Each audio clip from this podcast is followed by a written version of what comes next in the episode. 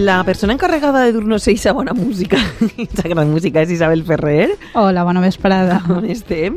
I sobre què anem a parlar avui? On el repte per on va? Mira, Gemma, si recordeu, fa un parell de setmanes varen parlar mm, llargament de la situació en la Rússia eh, Mm. dels anys 20 Mhm. i jo em vaig quedar amb moltes ganes de mencionar una de les innovacions que va tindre lloc en esta època que com m'agrada tant vaig pensar, li dedicarem un programa sencer perquè a més enguany és el centenari de la seva invenció perquè és un invent I este és el dia. Este és el dia, el Este dia és el dia. ha arribat, ha arribat, el dia és avui. De parlar de... Està considerat un dels primers instruments electrònics de la història i s'anomena Theremin. Sentim-lo. В нем управление мелодией достигается посредством влияния на электромагнитное поле около инструмента.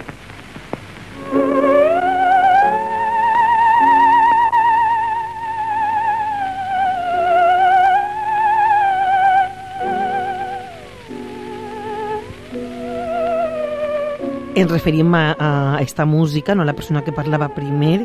I no pareix una mm, pel·lícula de por? D'un... És, és un dels usos que li han donat perquè és un instrument molt particular i parlem de la, la seva història. I l'home que heu escoltat a l'inici no és l'instrument, però és l'inventor. Sí, Ah. és un vídeo que corre, que corre per, per internet. Mm. Mhm.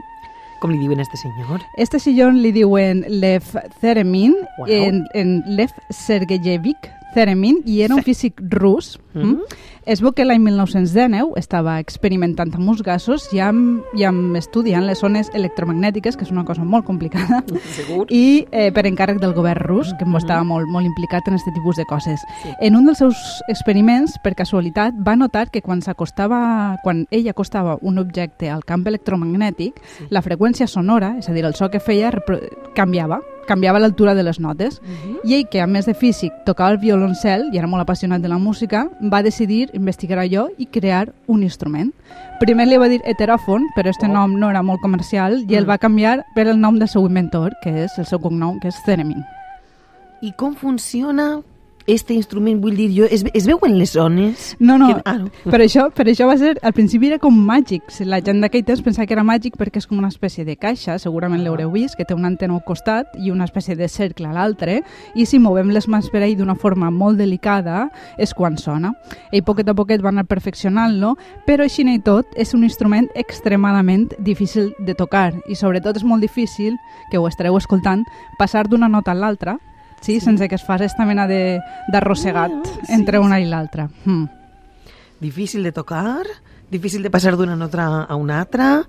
Eh, I després de fer el seu descobriment, este home, el senyor, el pare del Fermín, Sí. què va, què va fer l'home? Doncs ell estava apassionat amb la seva troballa, òbviament, jo també ho estaria. Home, és que flipant Sí, sí. Mm. I, i ja fa 100 anys i és una cosa molt moderna. Suposo que també estaria molt emocionat perquè intuïa que podria tindre guanys eh, econòmics i que es faria com a mínim famós. Mhm. Aleshores, a partir de, del 1920 va començar a fer gires per la URSS i diuen que el va escoltar el mateix Lenin, que era el cap de govern, Oh. i la cosa es veu que li va anar tan bé que l'any 24 ja va haver un compositor de nom Alexander Pashenko que va Mhm. compondre una sinfonia que s'anomena Sinfonia Misteriosa que incluïa el Teramin. Sentim-lo.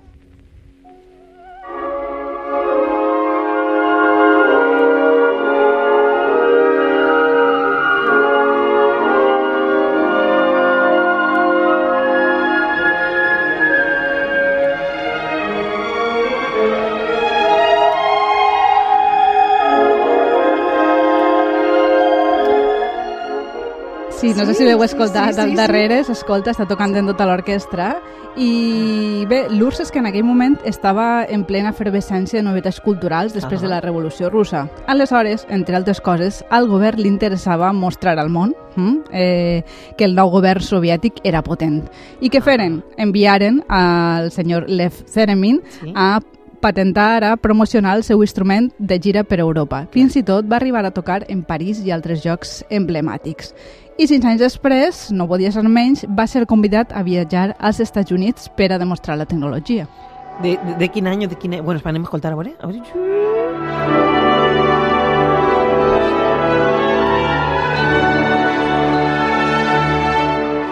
Sí que és de veres que és com un, un ambient fantasmagòric. al Sí, sí, sí. Eh, En, quin, de, de quin any estem parlant de la seva visita als Estats Units? Estem parlant de l'any 27 i en principi, clar, tot era favorable. L'instrument es va fer famós, Thermin va arribar a tocar amb la Filarmònica de Nova York, amb ell tocant l'instrument, en una, suposo que en, en peces sim, similars a les que escoltem, i també allí va conèixer a la que seria la primera concertista de l'instrument, que és Clara Rockmore. Rockmore era d'origen rus i era una xiqueta prodigi amb el violí. El que Mhm. passa és que va tindre un seguit de problemes físics, que una malaltia que li varen impedir continuar tocant. I es veu que quan va arribar el, el Theremin, eh, els impediments físics no els tenia amb l'instrument i gràcies als extensos coneixements que tenia de música clàssica i del gran control de les mans, ja em dic que és molt delicat, es va fer una gran intèrpret. Inclús li va dir a Theremin com millorar-lo. Segons Ui. jo, podries fer aquestes millores. En internet n'hi ha moltíssimes gravacions on la podeu escoltar, fins i tot dèiem abans que n'hi ha un, un documental i ara jo he triat una peça que és de Camille Saint-Saëns per a que la pugueu sentir.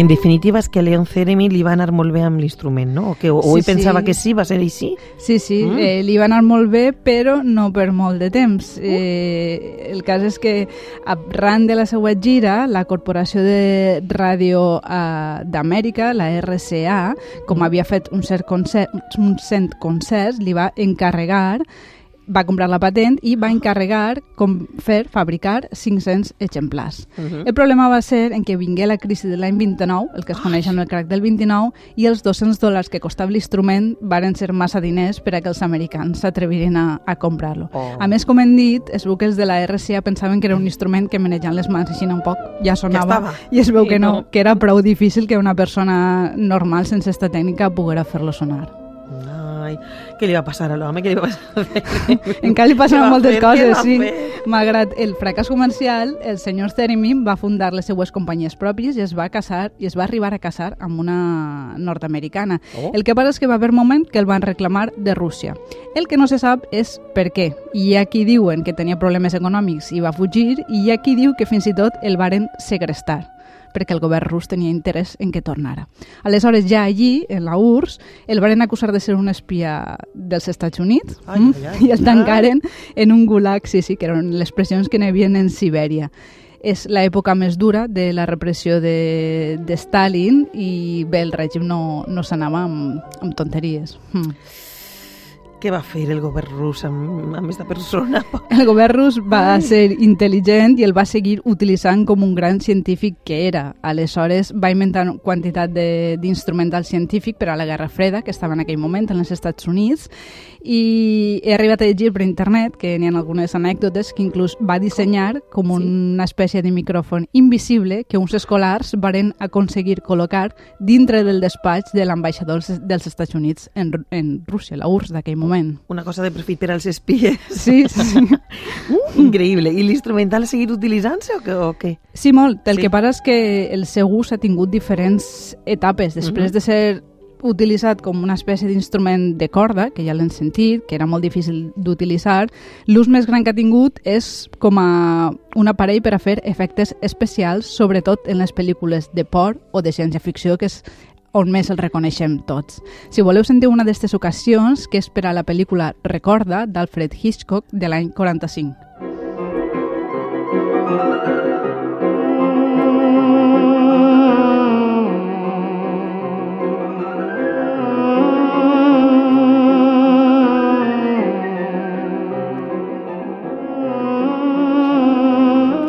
Inquietant, sí. Sí, sí, sí, sí. sí, sí dona, dona coseta. I a més que ara ja el tenim associat, eh, a aquest tipus de, de, de pel·lícules de por. Aleshores, el que passa és que és una mescla també d'inquietant i al mateix temps és com que saps que és una pel·lícula de por, es fa com més familiar. No, no sé com acabar d'explicar-ho. A mi, jo el relaciono molt també Sí. amb una sèrie que no sé si recordareu, que és La família Monster, on Oh. el feien servir sovint. De fet, n'hi ha una escena que tinc al cap, que no he sabut trobar per internet, però si algú ens la pot enviar ho agrairia molt, on el iaio de la família, que ja sabeu que és com una imitació del conde Dràcula, Sí. està aprenent a fer telecinesi, que és moure objectes amb, Amb la ment, mm. i, el fa, i el fan servir el so per a quan fan volar els, els, els objectes. Els objectes, és el soroll que acompanya els Exactament, objectes. sí, sí. Oh, i ha tingut altres usos o ha participat en, no sé, en altres músiques? En música pop, l'ús més conegut és el que feren l'any 1966 de Beach Boys en una Anda. cançó que justament es diu Good Vibrations. I'm picking up good vibrations. She's giving me the excitations. I'm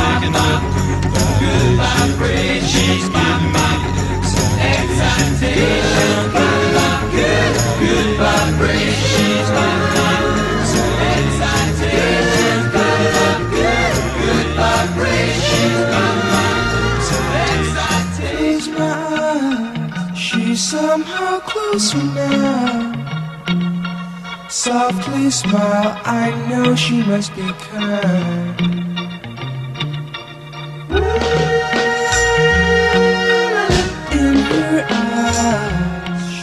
Havíem de deixar-nos envair per les vibracions estes bones, perquè com les d'abans feien tant de... de, de poreta, no? Sí, sí, de fet, n'hi ha alguns dels estudis estos de, de ciència qüestionable, anem a dir així, indemostrable, eh, parlen molt d'aquestes vibracions, però eh, realment és, és una cançó que, que no te fixes, però per baix va sonant una cosa, Una i cosa. aquesta cosa és el theremin. Mm.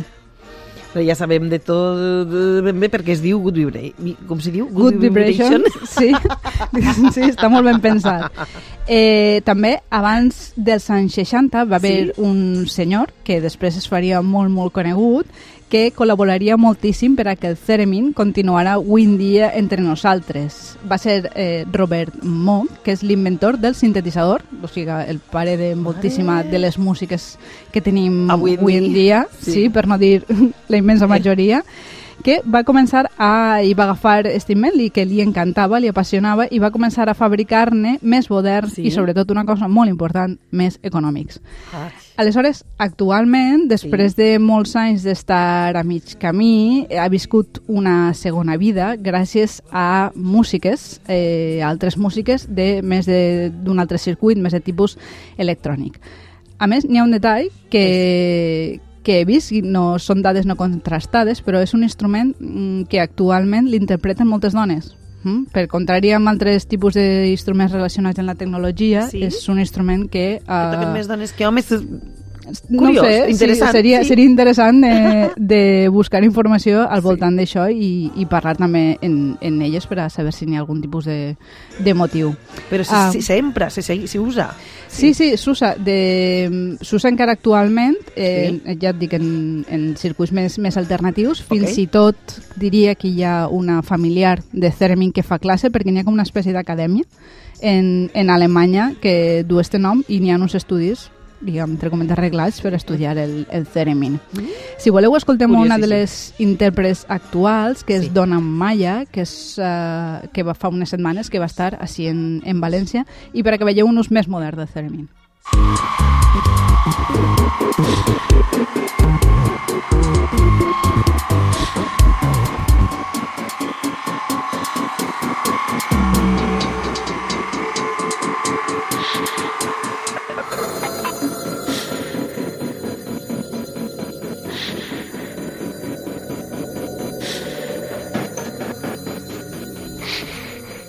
Això és la cosa actual, Això és la cosa actual. de fa unes setmanes. Sí, sí, però continua Ah, sí, vale. movent les dues mans, amb una mà que fa l'afinació i una altra mà que maneja el volum, i de fet eh, es veu que també hi ha aplicacions mòbils que, en les quals pots imitar que toques el Theremin. Mhm. Mira, qui li ho anava a dir a ell? Qui li ho anava a dir a ell, eh, que pensava que havia Que- fracassat? Que mm, en la seva època seria un poquet raret, no? Fins que vas començar a quallar la cosa. Bueno, raret no, en el seu país van voler espentar-lo, a veure si la sí, cosa sí, funcionava. el que passa és que suposa que políticament també n'hi havia molts interessos Hi i havia al final l'economia, bueno, el que passa moltes vegades. Mm. Si a ell li haguera anat bé, passa que li- és curiosa la història també, no? De, del seu Sí. inventor, que imagina que a banda d'això ell era músic i sabia també... Sí, tocar el violoncel. el violoncel I tocar el com violoncel dinades. és d'on li va vindre tota la curiositat per a tocar, per a crear este instrument que veritablement, si tanques els ulls, en el cas de, per exemple, que hem escoltat de Clara Rockmore, sona molt, molt similar a, a un instrument de corda. Mm. Ai, el theremin. Sí. Les coses mos contes, Isabel, més interessants. Moltes gràcies. Gràcies a Tu te vosaltres. llançaries a tocar el theremin? A mi m'agradaria molt, tinc moltíssima curiositat. Sí, ja vos ho contaré, si començo.